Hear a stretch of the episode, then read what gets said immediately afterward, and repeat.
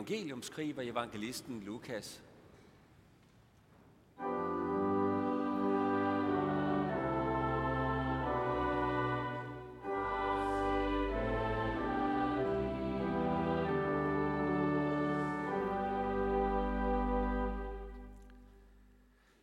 Apostlerne kom også i strid om, hvem af dem, der skulle regnes for den største.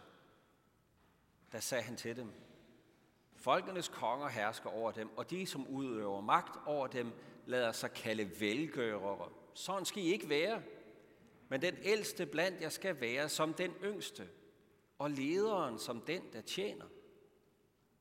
Hvem er størst? Den, der sidder til bords, eller den, der tjener? Er det ikke den, der sidder til bords? Men jeg er iblandt jer som den, der tjener. Jeg er det, der er blevet hos mig under mine prøvelser. Og ligesom min far har overdraget mig riget, overdrager jeg det til jer, for at I skal spise og drikke ved mit bord i mit rige, og I skal sidde på troner og dømme Israels tolv stammer. Simon, Simon, Satan gjorde krav på jer, for at sigte jer som vede, men jeg bad for dig, for at din tro ikke skal svigte. Og når du engang vender om, så styrk dine brødre. Amen.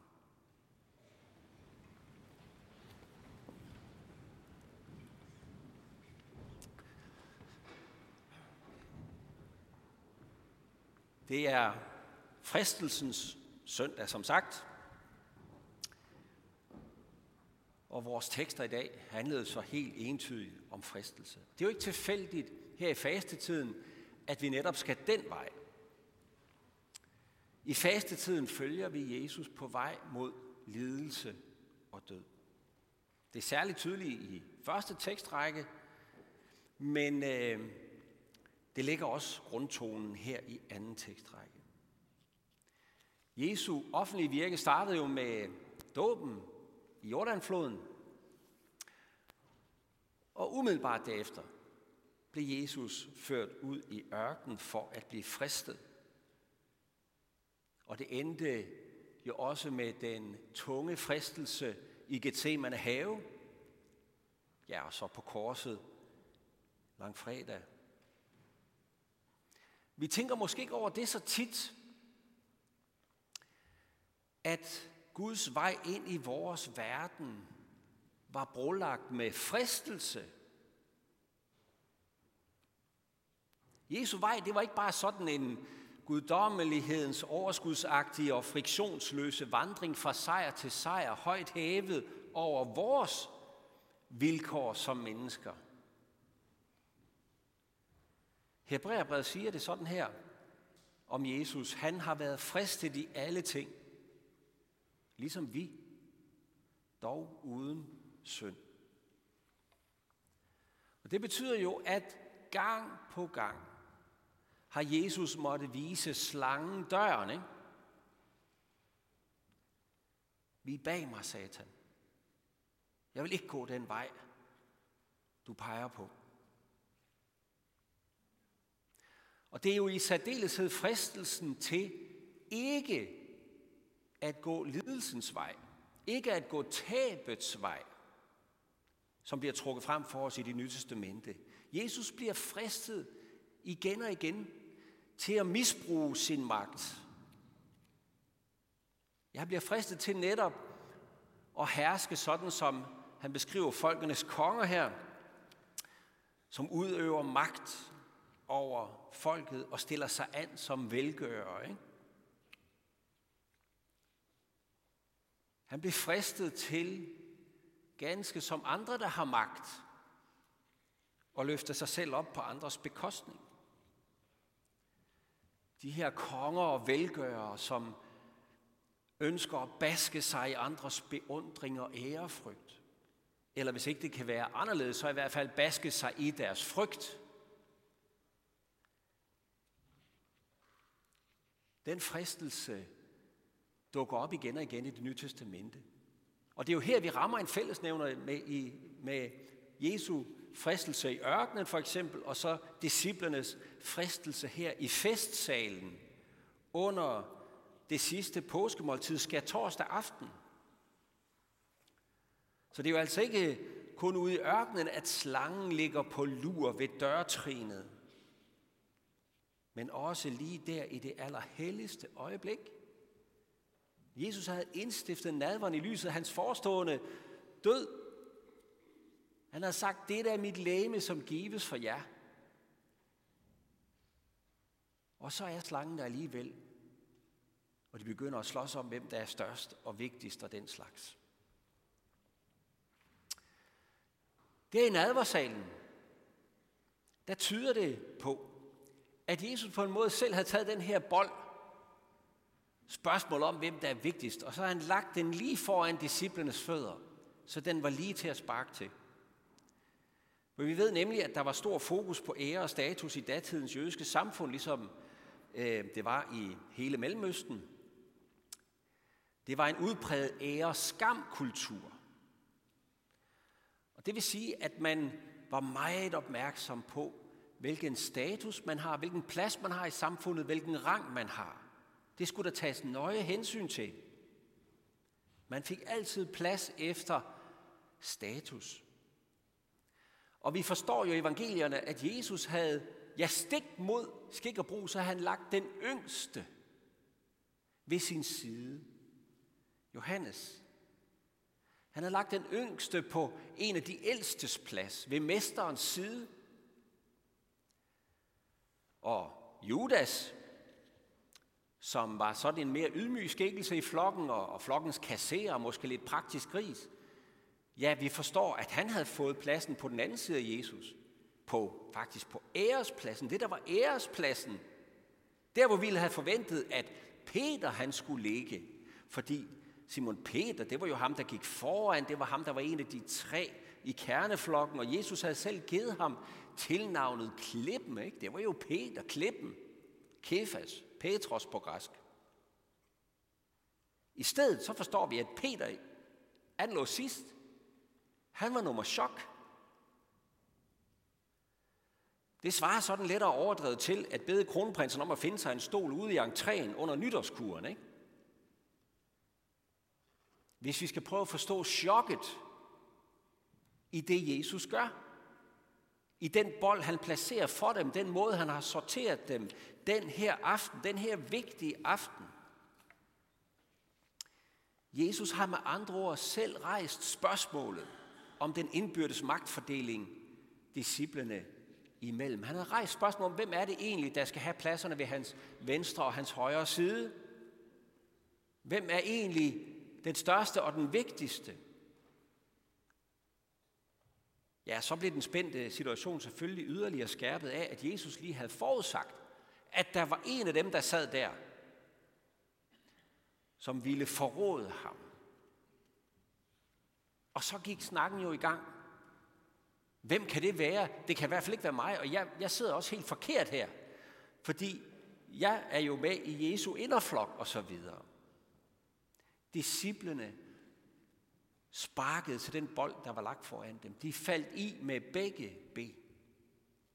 Ikke mindst den forsmåede Peter, forstår vi. For Jesus henvender sig jo faktisk lige præcis til ham. Simon, Simon, Satan gjorde krav på jer for at sigte jer som ved. Det er hele flokken, der er i gang med den her ulyksalige konkurrence om at være vigtigst og størst. Det er hele flokken. Men det er alligevel Simon, Simon Jesus særligt henvender sig til. Og hvorfor Simon? Hvorfor ikke Simon Peter, klippen? Hvor blev klippen lige pludselig af? Jeg tror, at Simon han har lagt mærke til, at hans tilnavn manglede. I hvert fald så var han ikke færdig endnu med den kamp, han sad i med at sidde på sidste pladsen.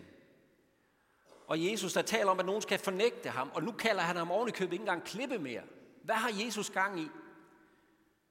Og han siger, om så alle andre forlader dig, Jesus, så skal jeg både gå i fængsel og død for dig. Jeg skal nok vise mig som den, som den klippe, du lige nu antyder, jeg ikke er. Det skal jeg nok. Du har selv sagt, jeg er klippen, og jeg skal nok bevise det for dig. Men Jesus vidste jo bedre. Peters, Simons og disciplernes store svigt, det lå lige om hjørnet. Få timer senere. Hvordan skal vi så forstå det, der skete der den aften? Er det ikke ligesom om Jesus leder dem ind i fristelse? Åbner han ikke ligesom døren for slangen ved at lægge bolden lige foran deres fødder? Hvad var det nu lige, vi læste fra Jakobs brev lige før? Jakob sagde sådan her, ingen som bliver fristet må sige, jeg bliver fristet af Gud. For Gud kan ikke fristes af det onde, og selv frister han ingen. Når man fristes, er det ens eget begær, der drager og lokker en. Og når så begæret har undfanget, sætter det synd i verden, og når synden er vokset op, føder den død. Så i den forstand leder Jesus dem ikke ind i fristelsen. Det var deres eget onde begær, der lokkede. Jesus lukkede ikke slangen ind. Nej, virkeligheden var jo den, at han afslørede slangens tilstedeværelse. Ikke? Han afslørede ved den bold, han havde lagt, at slangen allerede er der. Selv der i det frommeste rum, i nadvorens rum, der afslører Jesus, at slangen er der. Selv mellem de disciple, der havde fulgt ham tæt, kendte ham. Og selv der, hvor ordene om søndernes forladelse lige havde lyttet, og han havde brudt brødet som sig selv og sagt, det er mig, der giver mit liv for jer. På en måde så bør vi ikke undre os over, at det er sådan. Det er næsten en åndelig naturlov, at der hvor lyset skinner, der trækker mørket sig sammen i raseri. Der bliver mørket afsløret, og det trækker sig sammen i truende skyer.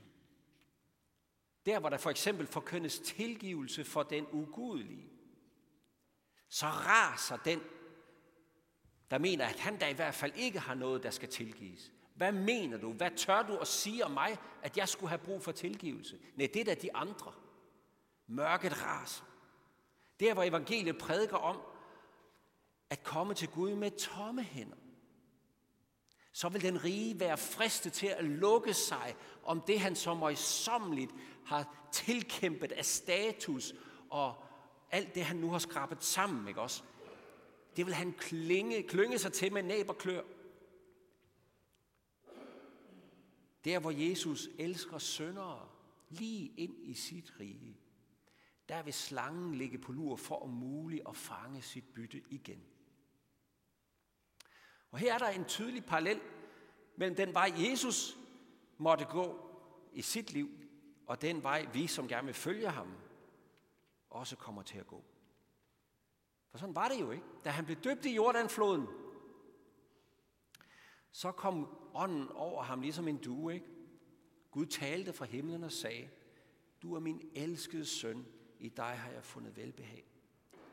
Og med det samme, så var Satan derude i ørkenen for at friste ham, til at lade hånd om det her søndekår og det kald og Guds gode vilje, som lå for hans liv, som førte ind i lidelsens vej, ja, men som førte ind i Guds rige for os alle sammen.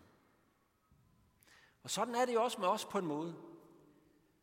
Da du og jeg blev døbt, så lød det sådan her, den almægtige Gud, hvor Herres Jesu Kristi Far, som nu har genfødt dig ved vand og helligånden og skænket dig søndernes forladelse, han bevarer din udgang og din indgang osv. Altså, Guds ånd kom over os og i os. Vi blev Guds elskede børn. Vi fik barnekår og barneret hos Gud. Vi blev arvinger til Guds evige rige. Men knap er vi gået ud af dåbens vand, før slangen vil have os til at sætte det over styr.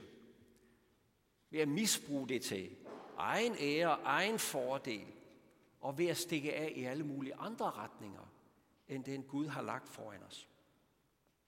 Og derfor giver det så god mening, at vi får fader vor i dåbsgave, inklusiv bønden, led os ikke i fristelse. For i det øjeblik, vi træder ud af dåbens vand, så går vi ind i den ørken, hvor mørket vil rive i os og flå i os. Og at fristelsen er alvorlig, det er Judas' skæbne jo et tungt eksempel på. Led os ikke ind i fristelse. Hvordan skal vi forstå den bøn? Jeg tænker, det kan pakkes ud til noget i retning af.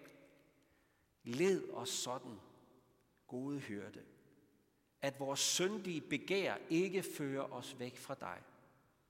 Eller, led os sådan, at enhver fristelse eller prøvelse, som møder os, og et hvert fald,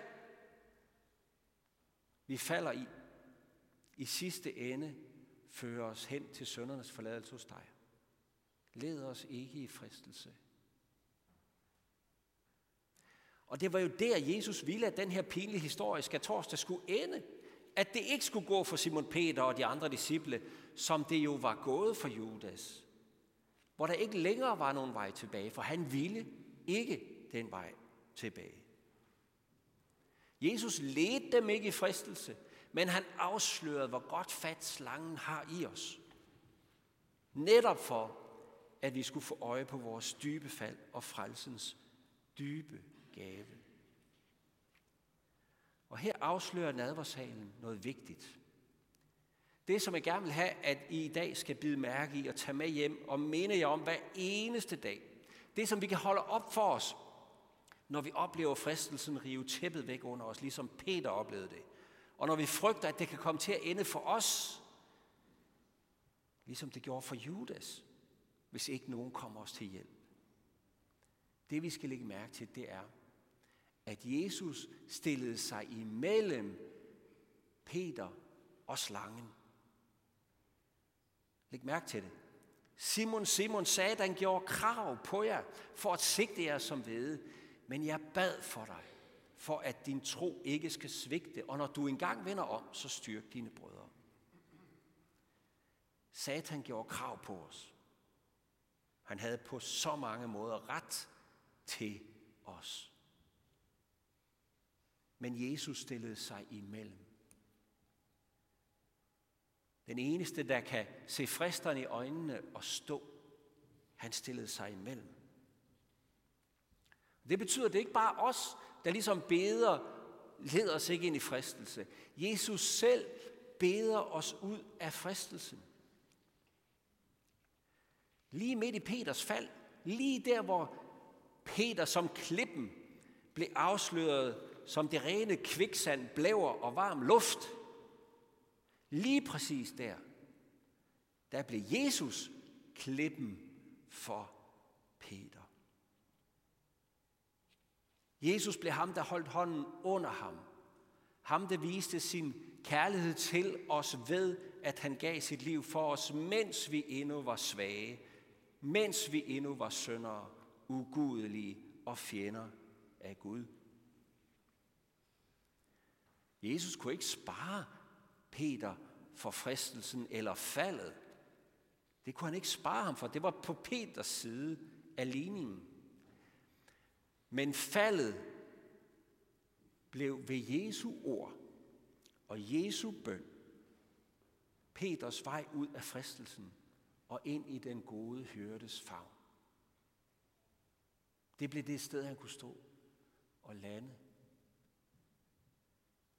Og på den anden side af fristelsen og faldet, så ville Peter på en helt anden måde end før kunne styrke sine brødre. Han skulle ikke længere konkurrere med dem om fromhed, status, popularitet eller magt. Han skulle ikke længere være den vigtigste eller den største. Han skulle ikke længere selv være klippen, for det var ligesom slut med det, når man har fundet ud af, at man ikke er andet end blæver og varm luft. Men han kunne nu pege hen på den sikre klippe, som står fast om alt andet vakler. At Jesus er Kristus, Guds søn, at vi for hans lidelses og døds skyld har barnekår i troen på ham. Ikke præstationens kår, ikke konkurrencens kår, ikke selvretfærdighedens kår, men barnets. Barnekåret, der hvor alt er modtaget ved Guds kærlighed, tilgivelse, noget, godhed, ufortjent og uforskyldt af et syndigt menneske. Og hvor det derfor ikke længere giver mening at hæve sig over andre, eller være vigtigst og størst. Og så kan vi passende lade Peter selv få det sidste ord, som jo emmer af, at han fandt den her klippe og det her barnekår, da han omvendte sig på Jesu ord. Han siger sådan i 1. Peters brev. Lovet være Gud, hvor Herre Jesu Kristi Far, som i sin store barmhjertighed har genfødt os til et levende håb ved Jesu Kristi opstandelse fra de døde, til en uforgængelig og ukrænkelig og uvisnelig arv, der ligger gemt i himlene til jer, som er Guds magt ved troen bevares til en frelse, der holdes reddet til at åbenbares i den sidste tid. Der skal I juble, skønt I nu en kort tid, hvis det så skal være, må lide under prøvelser af mange slags, for at jeres tro, der er mere værd end det forgængelige guld, der dog prøves i ild, kan stå sin prøve og blive til pris og herlighed og ære, når Jesus Kristus åbenbares. Ham elsker I uden at have set ham. Ham tror I på nu uden at se ham, men I skal juble med en uudsigelig forklaret glæde, når I kommer frem til troens mål, jeres sjæles frelse. Amen. Lad os med apostlerne tilønske hinanden, hvor Herres Jesu Kristi nåde, Guds, vor Fars kærlighed og Helligåndens fællesskab være med os